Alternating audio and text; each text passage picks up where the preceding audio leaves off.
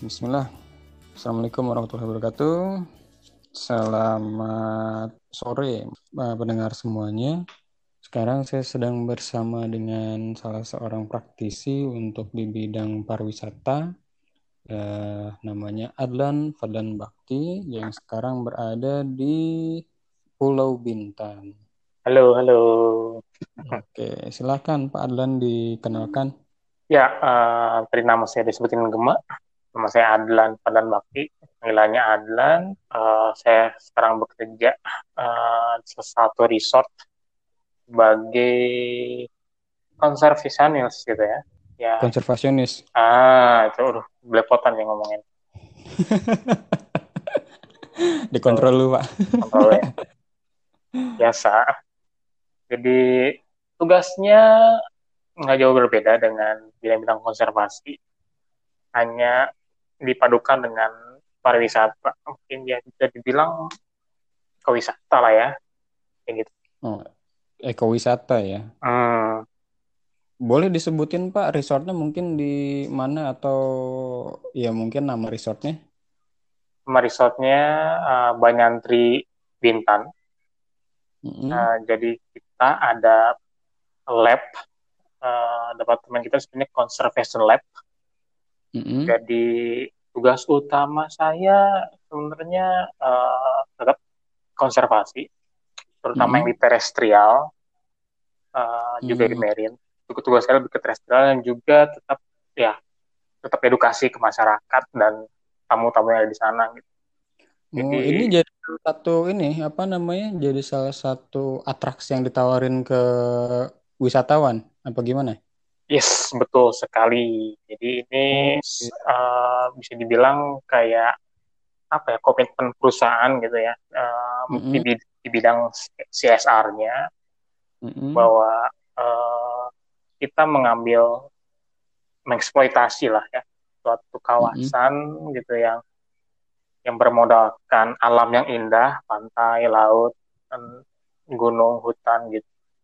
Ada hmm. mengambil untung dong pasti dong, tapi uh, yeah. mereka sisihkan sebagian uangnya untuk ya ini kegiatan saya ya salah satunya ini gitu kegiatan konservasi. Sebenarnya programnya banyak, cuman salah satunya hmm. mungkin konservasi kayak gitu. Jadi uh, walaupun uh, kuliah biologi nih, tapi kerjanya di resort. Nah, banyak yang nanya-nanya nih hmm. gitu tapi kan sangat berhubungan sekali maksudnya si bidang yang ditekuni sekarang kan bagian konservasionisnya kemudian ya, pasti ya. ilmunya nyambung lah ya banget banget nyambung banget nah.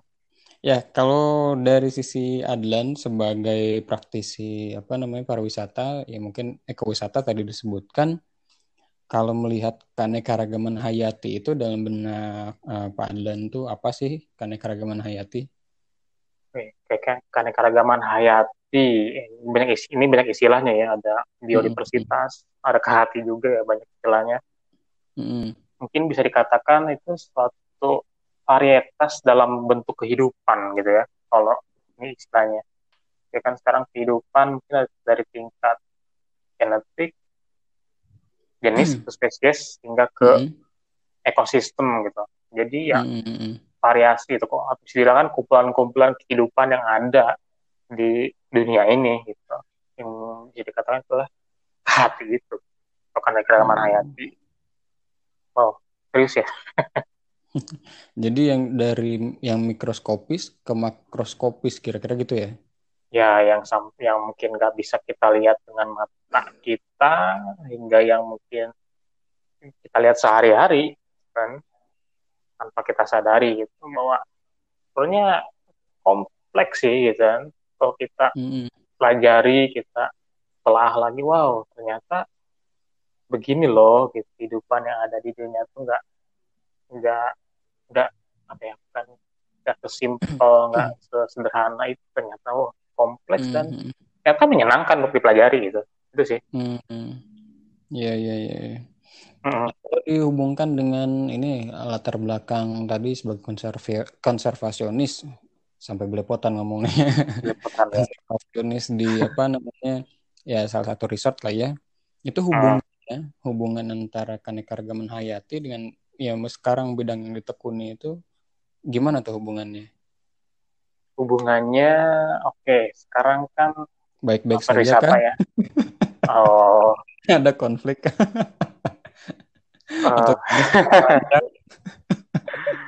selama manusia hidup pasti ada konflik ya, yeah. gitu. Ya pasti ada gitu. Makanya uh, dalam dunia pariwisata di tempat di Bintan ini yang dieksploitasi atau yang dimanfaatkan lah ya istilahnya mungkin adalah alamnya gitu ya mm-hmm. dengan dengan target wisatawan mancanegara karena dekat dengan Singapura hanya satu jam dengan ferry mm. kan otomatis ya otomatis uh, targetnya adalah orang-orang uh, luar gitu ya. Dari Singapura tinggal loncat pak ya. Ya tinggal loncat dan loncat. tidur bentar eh nyampe gitu. Gitu kan. Uh. kayak dari DU ke Jatinangor gitu kan. Mm. eh udah nyampe lagi deh. Gitu uh, dan uh, dan yang ditawarkan adalah tentu alamnya gitu kan. Mm. bisa dibayang bisa dibayangkan uh, hampir mungkin 80% wisatawan itu gerbangnya dari Singapura. Mm. bukan Singapura sendiri bukan kota yang sangat maju gitu kan. Mm-hmm. Uh, dan di sana alam pun alamnya mereka gitu kayak Garden by the Ways kayak uh, dan lainnya juga buatan gitu kan. Dan mereka ke Bintan tuh untuk menikmati alamnya yang di sini gitu. Pantai laut hutan gitu kan. Dan ada gunung juga di sini gitu walaupun tidak tinggi mm. jadi uh, yang dimanfaatkan ada alamnya gitu dan saya sebagai uh, apa ya praktisi gitu kan mm-hmm. lingkungan konservasinya uh, konservasi mm-hmm. itu bagaimana membuat semua ini uh, pertama berkesinambungan dengan baik dan yang kedua itu berkelanjutan sustainable mm-hmm. gitu kan mm-hmm. kalau kita alam kita manfaatkan seperti terus menerus rusak dong gitu kan. Tapi bagaimana yeah. kita uh, dengan ya bisa kata-kata nih uh, bisnis gitu ya. Mm-hmm. uh, ini bisnis gitu. Bagaimana bisnis ini ini berkelanjutan tanpa merusak alam uh, hingga hingga sampai tidak bisa digunakan kembali gitu kan. Itu mungkin praktek-praktek itu ya banyak. Udah banyak dari zaman dulu uh, manusia datang tapi kan mungkin sekarang uh, orang-orang yang mulai bersadar bahwa lingkungan itu atau alamku tuh penting gitu bagi kita semua. Apalagi dunia pariwisata dengan hmm, hmm. turis, ya turis yang sekarang itu rata-rata mereka sadar akan lingkungan, gitu kan? Dan ya, sama maksudnya sadar lingkungan tuh kayak gimana, Kak? Sadar lingkungan dalam artian gini, uh, kayak mungkin kita uh, kayak gini ya, kita mungkin ngelihat sampah entah itu plastik atau berserakan di pinggir jalan atau di mana ya biasalah gitu ya mungkin ke bawah atau gimana tidak bagi mereka gitu bahwa itu eh ada sesuatu yang salah nih gitu kan mm-hmm. lu bayangkan ketika gemak sendiri uh, jauh-jauh kedatang ke tempat wisata yang direkomendasikan tapi mm-hmm. ternyata di sana alamnya rusak gitu kan atau alamnya kotor gitu apa yang mm-hmm. gemar rasakan gitu kan mm-hmm. yang pertama kesal dongkol atau gimana gitu itu mungkin yang dirasakan jadi bagaimana kita uh, kita menjalankan bisnis tapi tetap uh, menjaga lingkungan baik hmm. lingkungan alam juga lingkungan uh, sosialnya juga kayak gitu okay. karena ya ya kan nggak nggak hanya dengan alam ya kita juga ber apa berhubungan dengan apa, masyarakat kita dong gitu. masyarakat gitu, sekitar. gitu gitu iya di Indonesia itu kan apa namanya kalau prinsipnya kayak tadi sebenarnya kan ada uh, apa ya mungkin pepatah lah ya Indonesia di mana langit dijunjung di situ bumi dipijak. Bumi dipijak. Hmm, jadi artinya kan kalau misalkan tadi apa namanya turis dari luar itu ya katakanlah di ya mungkin diingatkan lah ya diingatkan bagaimana ke lingkungan sekitar seperti itu baik ke uh, lingkungan alamnya maupun lingkungan sosialnya di Indonesia juga sebenarnya udah lama gitu prinsip itu ada. Cuma kadang-kadang yang jadi masalah itu kita juga nggak sadar gitu. Kalau misalkan kita datang ke satu tempat tapi ternyata ya kita juga istilahnya apa ya kayak nggak peduli gitu sama uh, mungkin budaya yang ada di sekitar kita.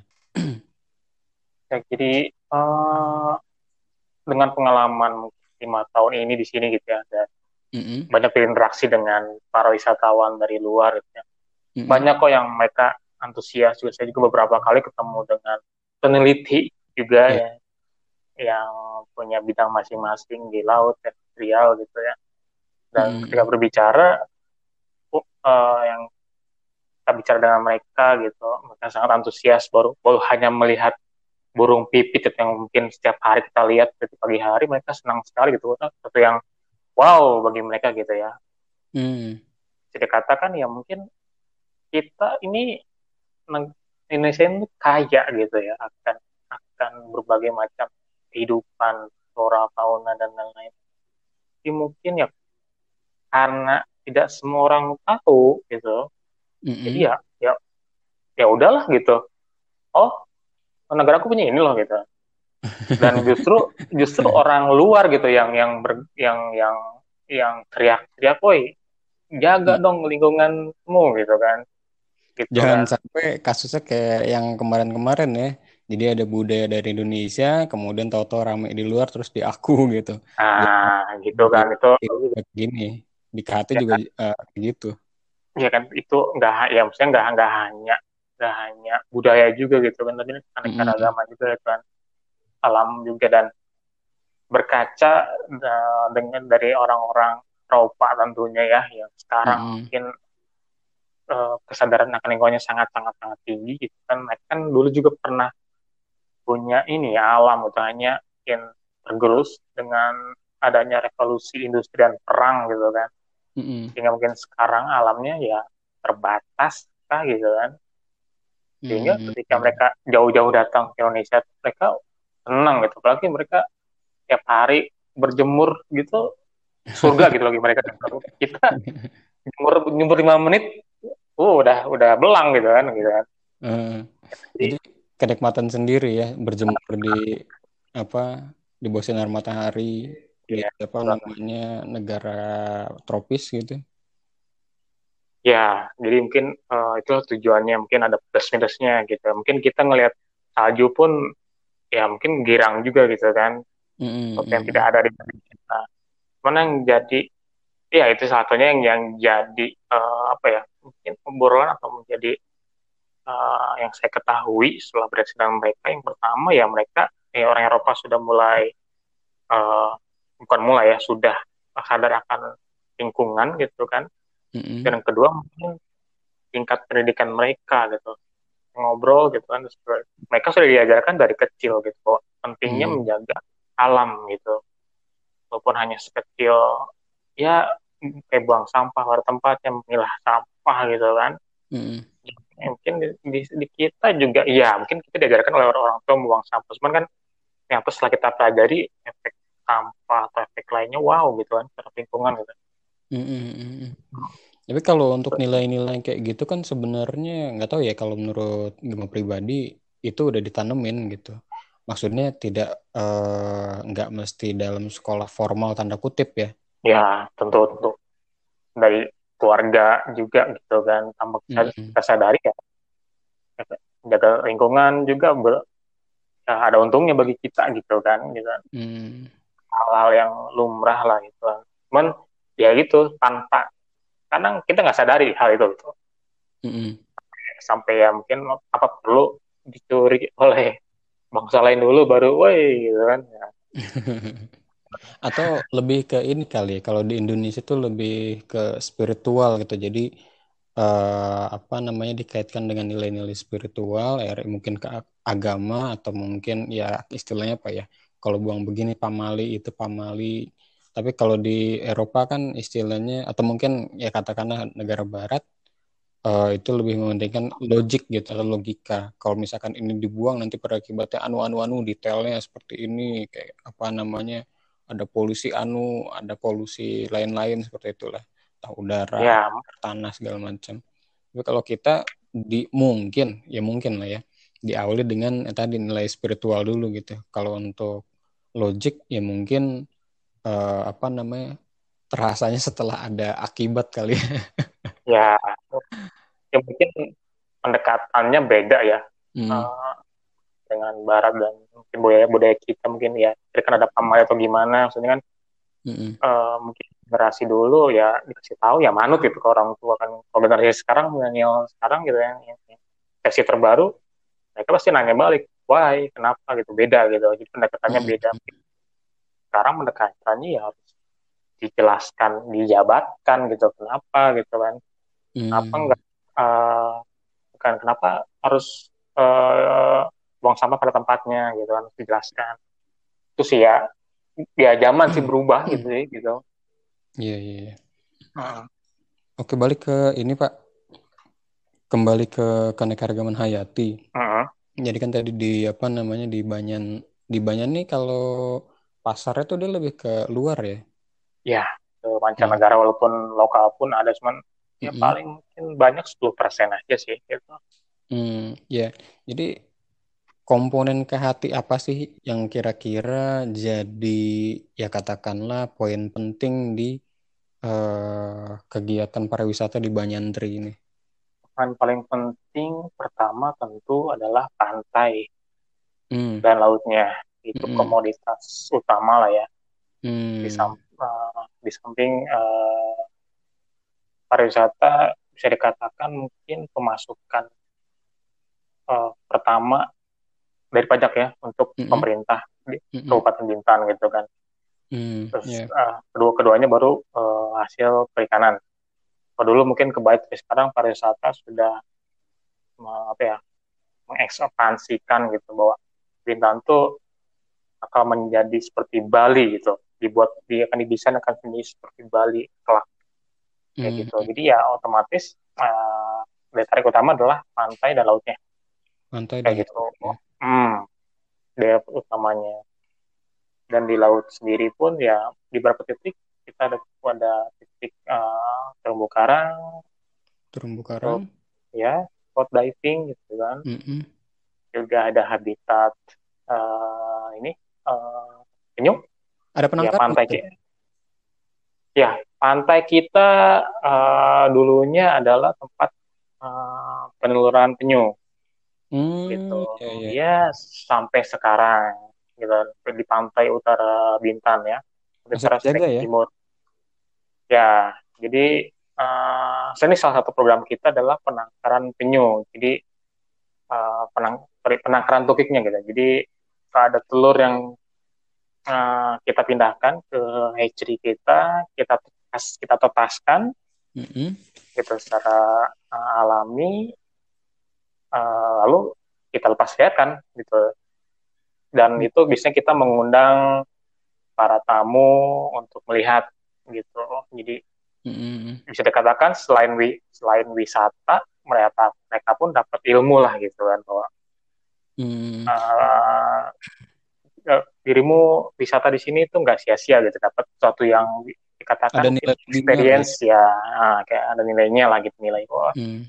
kayak gitu tapi itu ditawarkan di setiap kunjungan artinya setiap tamu yang datang entah itu tujuannya mau apa mereka selalu dibawa ke tempat-tempat uh, apa namanya yang mungkin berhubungan dengan dengan keanekaragaman hayati atau tadi apa kayak penangkaran, terumbu karang atau mungkin dibawa mengamati alam sekitar gitu. Oh, uh, ya jadi kita ada program uh, beberapa activity lah ya mungkin mm -hmm.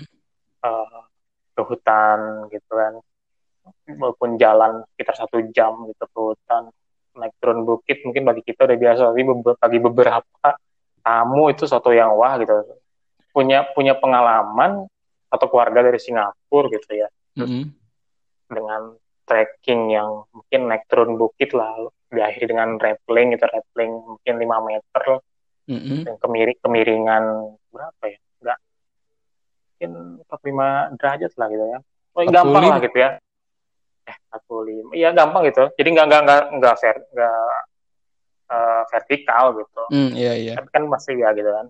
Mm-hmm. itu ringan tangga tapi ya bagi orang tuanya wah ini menarik katanya hmm. kami mau sering seperti ini karena uh, kami mau anak kami gitu mereka masih SMP itu nggak gantung pada gadget gitu mereka harus lebih outdoor gitu mm, nah, yeah. pak, dalam dalam hati lah saya tiap hari kayak gini pak dulu jadi gimana ya uh, jadi uh, ya kita sebagai kita katakan sebagai edukator lah edukasi mm -hmm. gitu bahwa uh, di sini kita masih punya alam dan kita akan jaga terus sampai kapan pun gitu. Mm. Karena dengan menjaga alam ini tentu kita mendapat manfaat kan.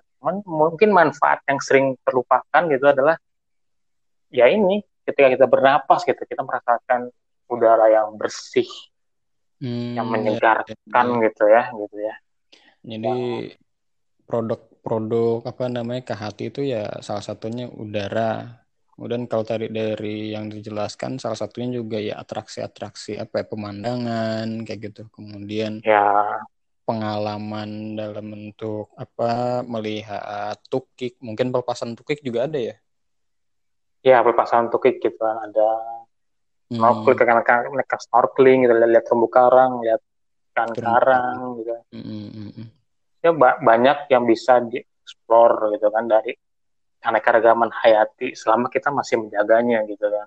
Hmm. Itu bayangkan bila kita datang, buka dan eksploitasi secara masif dan terus menerus. -hmm. uh, pantai kita tercemar gitu kan, rusak, -hmm. kita ternyata banyak sampah gitu. -hmm.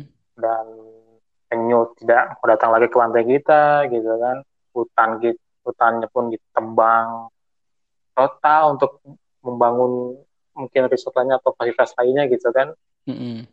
ya mungkin di sisi sisi bisnis ya bagus lah gitu ya. Yeah. masukan. Tapi kan bertahan berapa lama gitu. Mungkin dalam 10 tahun udahlah gitu kan.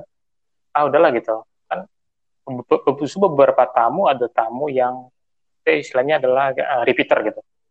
Maksudnya jadi tamu yang datang. Repeat tamunya tamu reguler. Jadi dia datang mm -hmm. setahun bisa dua sampai tiga kali.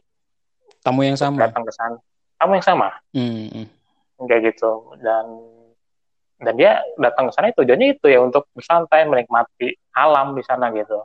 Mm -hmm. ya datang berjemur seharian gitu ya. udah gitu. Itu kan bagi mereka itu suatu kemewahan gitu. Bagi kita mungkin setiap setiap hari lah ya gitu ya Iya iya. Kayak gitu kan. Kalau yang sekarang kondisinya gimana Pak pasca apa namanya COVID ini? Pasca COVID ini uh, kita sekarang uh, akses dari Singapura ke mm -hmm. Indonesia ke Bintan tentunya masih ditutup. Masih ditutup. Masih ditutup. Jadi situ sangat dari dari dari bulan April. April ya. Oh. Ya, udah hampir tiga bulan. Mungkin ini pertengahan Maret tuh udah mulai gitu kan. Mm -hmm. April sejak uh, kasus uh, di Singapura meningkat pesat. Yeah. Jadi ditutup sementara untuk mengurangi ini dan ya kunjungan wisatawan bisa dikatakan hampir tidak ada. Hampir wisatawan tidak. asing ya. Mm -hmm. Hampir oh, tidak ada. Domestik masih? Domestik uh, baru dua minggu ini mulai mulai datang datang kembali tapi mm-hmm. itu pun hanya di akhir pekan kan. Hmm. Kalau nggak salah ada program ini juga ya apa namanya yang menggait apa ya mungkin universitas atau mungkin lembaga pendidikan setempat. Oh jadi ya selain kita konservasi dan edukasi kita juga membuka program magang sebenarnya. Program magang ya program magang untuk mahasiswa yang mau penelitian atau yang mm -hmm. mungkin sudah lulus itu mencari pengalaman. Mm -hmm. Jadi kita ada yang skripsi, ada yang mungkin penelitian awal, gitu. Atau Salah yang mungkin kan istri Anda kan. oh, itu 2011, 9 tahun yang lalu ya. betul, betul, betul. Jadi yeah, kan yeah. Uh, ya, bisa dikatakan mungkin uh, kita punya program misalkan tahun ini tentang restorasi terumbu karang gitu kan. Restorasi terumbu karang. Ah, misalkan gitu kan. Tapi mungkin ya kita coba uh, buka rekrutmen untuk mahasiswa. Jadi mm -hmm. uh, mahasiswa siapa yang mau minat untuk melakukan penelitian tentang restorasi karang mm -hmm. akan kita biayai gitu selama oh. dia uh, di sana gitu. Iya iya. iya. Selama jadi, ya. Akomodasinya dari Banyan ya. Hmm, istri minimal tiga tiga bulan sih di sana. berarti itu ada tema-temanya kan? Maksudnya uh, entah nggak tahu kalau berapa lamanya. Misalkan tadi tiga bulan gitu, temanya ya, tadi restorasi terumbu karang. Oh. Kemudian iya. bisa bisa berubah lagi kan temanya ya? Terus bisa bisa bisa. Total tergantung dari banyak, ya? banyak aja kebutuhannya. Ya, tergantung dari kebutuhan kita juga gitu kan. Hmm. Dulu mungkin awal-awal terumbu karang karena kita butuh data awal ya gitu kan. Walaupun sekarang yeah. kita ada monitoring terumbu karang setiap tahunnya. Hmm. Ya kan, dicek gitu. Yeah, yeah, Terus yeah, yeah. kebutuhan kayak dua, dua tahun lalu kayak ada mahasiswa biologi dari Universitas Riau, Unri, hmm. uh, dia mau ngecek karbon stok hmm. di sana gitu okay. di wilayah di wilayah di wilayah resort di dalam resort terestrialnya gitu. atau terestrial terestrial terestrial jadi uh, jadi uh, kita ada mungkin sekitar 80 hektar masih hutan belum belum menjadikan apa-apa gitu masih hutan mm -hmm. dan kita coba sampling karbon stoknya gitu mm. dan juga uh, ada juga entomologi kupu-kupu yang mm-hmm. penelitian uh, untuk sampling kupu-kupu dan juga burung, terumbu mm. karang, penyu, ya penyu, mah banyak juga. Jadi kalau secara data sebenarnya lengkap ya? Ya, karena gini, soalnya kenapa kita satu kenapa kita ngerekrut mahasiswa juga, kita hanya bertiga nih. Iya. Di apa? Di, di departemen conservation lab. Conservation lab. Hmm, hmm. Cuma bertiga, harus mengcover satu bintang. Besarnya dua kali dua, sampai dua kali Singapura gitu kan. Bisa bayangkan mungkin hmm. wow bahkan makanya ya makanya kita kerjasama dengan ya butuh SDM yang universitas ya universitas dengan uh, di pemerintahan mm-hmm. di NGO juga gitu bahwa uh, mungkin mereka punya program yang sama tapi kan enggak, enggak, kesalahan kita saling kerjasama saling mendukung gitu bahwa oh jadi ada sinergi di antara gitu ya. Hmm, Dan, iya, iya. Nah, nyambung ke ini Pak kan kalau misalkan apa namanya pariwisata otomatis uh, ya bisa dikatakan untuk tujuannya adalah mendatangkan wisatawan sebanyak mungkin. Gitu? Betul. Karena mana ya tidak bisa dikatakan bisa begitu. Jadi mm -hmm. mengatraksi, hey, datanglah ke tempat kami gitu kan. Hmm. Nah, Kalian itu... menginap sini ada alamnya ya. Hmm. Cerita seperti itulah gitu kan. Hmm, jadi singkat cerita atau singkat kata uh, intinya mendatangkan inilah ya mendatangkan wisatawan sebanyak mungkin untuk menikmati apa yang ada di atau mungkin yang ditawarkan atraksinya di Banyan ya. Betul betul betul. Nah, efek dari kegiatan wisata nih kan semakin banyak yang datang otomatis ya katakanlah entah itu ekosistemnya, entah itu komponen KHT-nya kan mungkin ada ada yang uh, apa ya dibilang terganggu, ya bisa jadi terganggu gitu. Nah itu gimana tuh efek kegiatan pariwisata terhadap KHT atau mungkin uh, sebaliknya?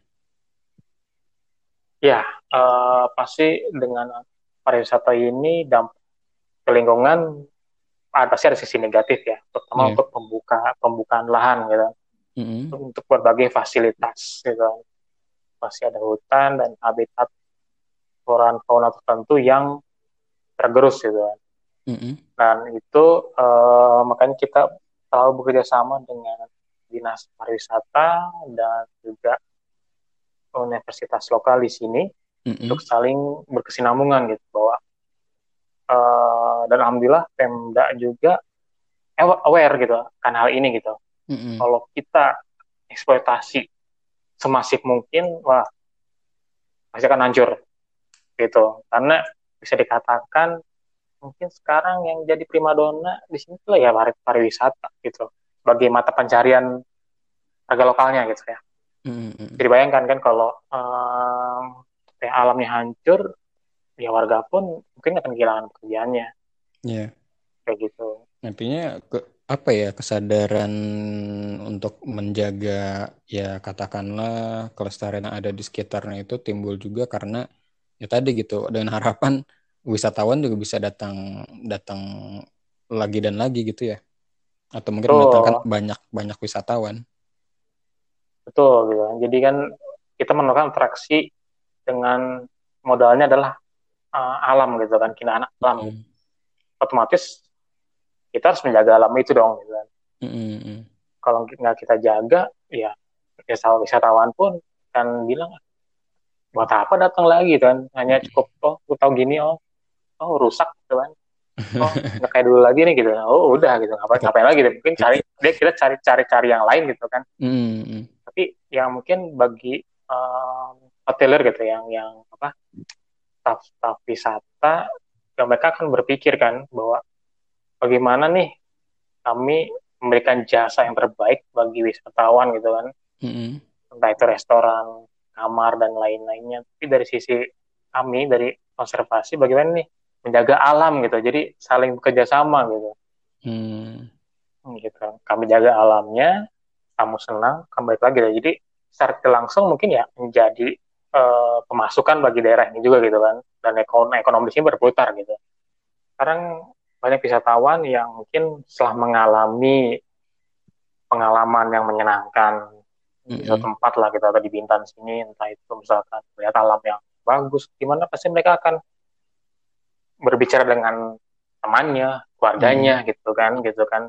Akan akan menyebar dengan cepat apalagi mereka kadang menulis reviewnya di TripAdvisor dan lainnya gitu kan pasti akan nyebar gitu kan bahwa wih kemarin liburan di sini asik loh gitu kan. Ya itulah mungkin apa ya uh, feedback positif itu yang diharapkan uh, agar wisatawan itu wisatawan, wisatawan lainnya akan datang ke sini kayak gitu.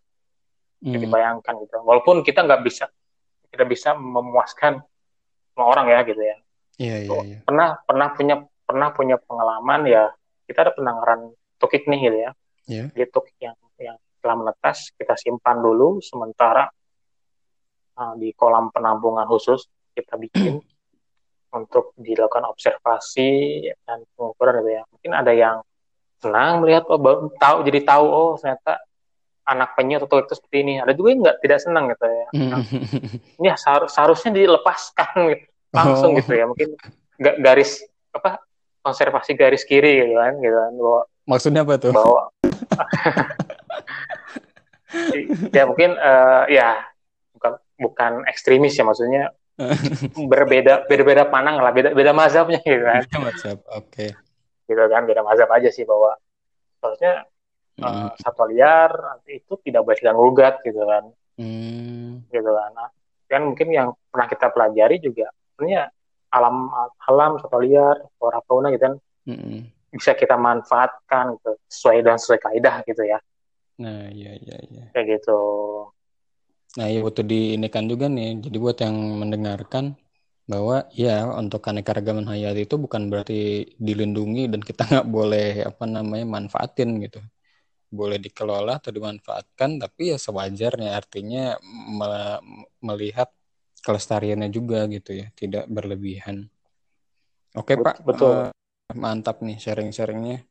Dapat juga pengalaman atau mungkin pengetahuan tentang Banyantri, bagaimana uh, dijalankan pariwisata di sana dan proses seperti apa, kemudian tadi juga ada pendidikannya pak ya?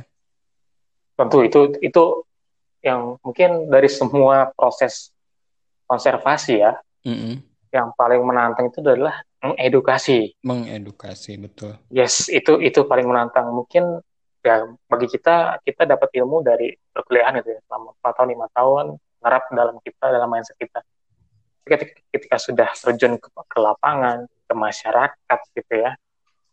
Wow mm-hmm. sangat sangat sangat berbeda gitu kan implementasinya gitu kan.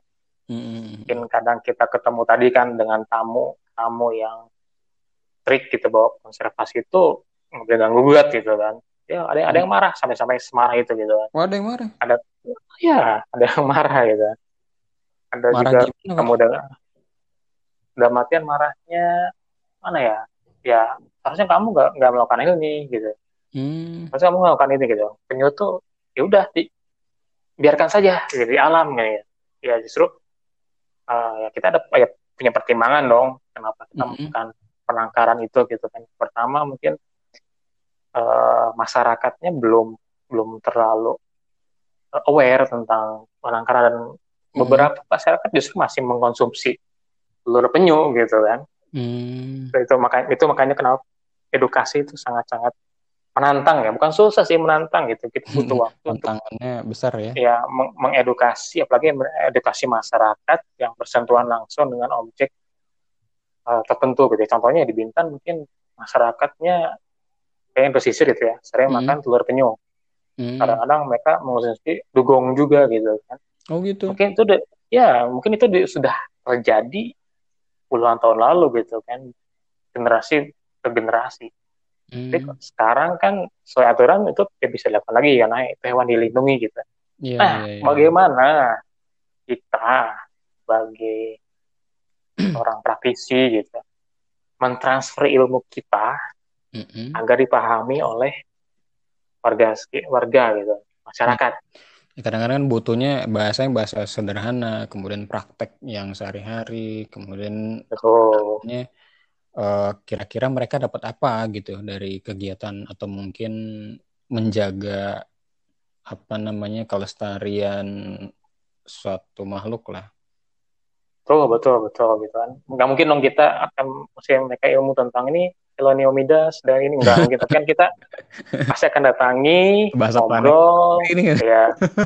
Kita kan ngobrol dengan masyarakat pak uh. kenapa bapak mengkonsumsi telur penyu? Gitu. Gitu pasti kita ada pelajari dong gitu kan. Mm -hmm. oh, terus bagaimana setelah kita pelajari dari dari masalah dari um, solusi gitu kan. Solusi yang terbaik tentunya gitu kan. Bagaimana mm. masyarakat sadar dan ikut terlibat gitu kan. Ikut terlibat gitu, dan berkesinambungan kayak gitu mm. ya ada yang berhasil ada yang uh, tidak continue, ada yang malah susah gitu kan ya. Mm-hmm.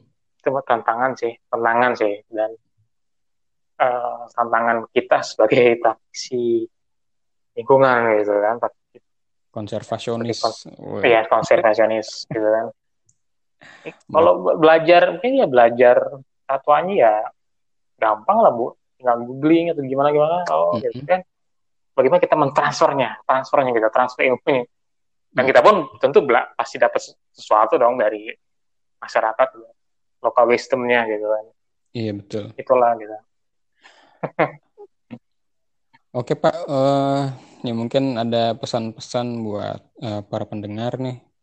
Entah mungkin yang berkecimpung di bidang pariwisata atau mungkin bagaimana menjaga mungkin ke hati untuk pariwisata atau mungkin uh, pariwisata yang memanfaatkan keanekaragaman hayati?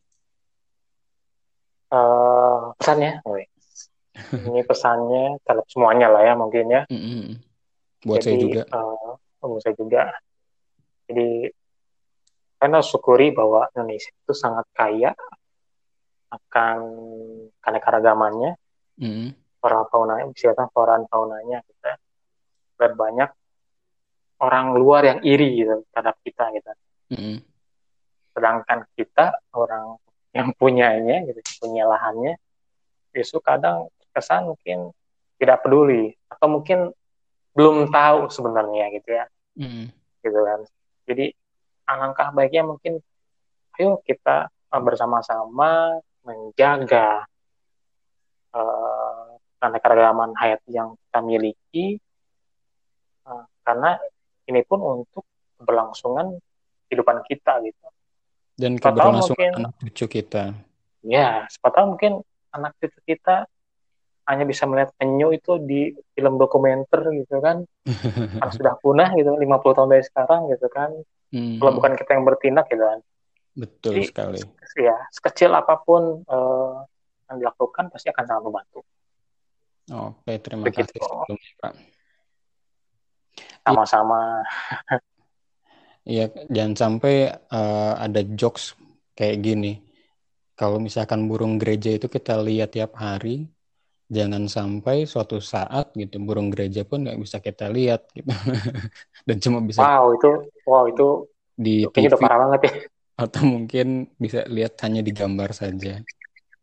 Oke, terima kasih Pak. Yeah. Terima kasih juga buat apa namanya sharingnya tentang sama-sama Pak. Kemudian juga tentang keanekaragaman hayati. Saya pun masih belajar di sini, jadi saya bukan saya bukan ahli ahlinya banget. saya hanya punya pengalaman. ya saya punya pengalaman mungkin ada yang lebih ahli lagi ada yang mungkin ya saya pun pasti akan berguru gitu kan akan mencoba untuk mempelajari hal itu gitu jadi ya kita sharing aja sih siap pak guru terima kasih pak sama-sama iya terima kasih untuk yang sudah mendengarkan. Semoga mendapatkan pengetahuan atau mungkin mendapatkan pengalaman yang lebih mengenai keanekaragaman hayati dan pariwisata yang memanfaatkan keanekaragaman hayati. Assalamualaikum warahmatullahi wabarakatuh. Waalaikumsalam warahmatullahi wabarakatuh.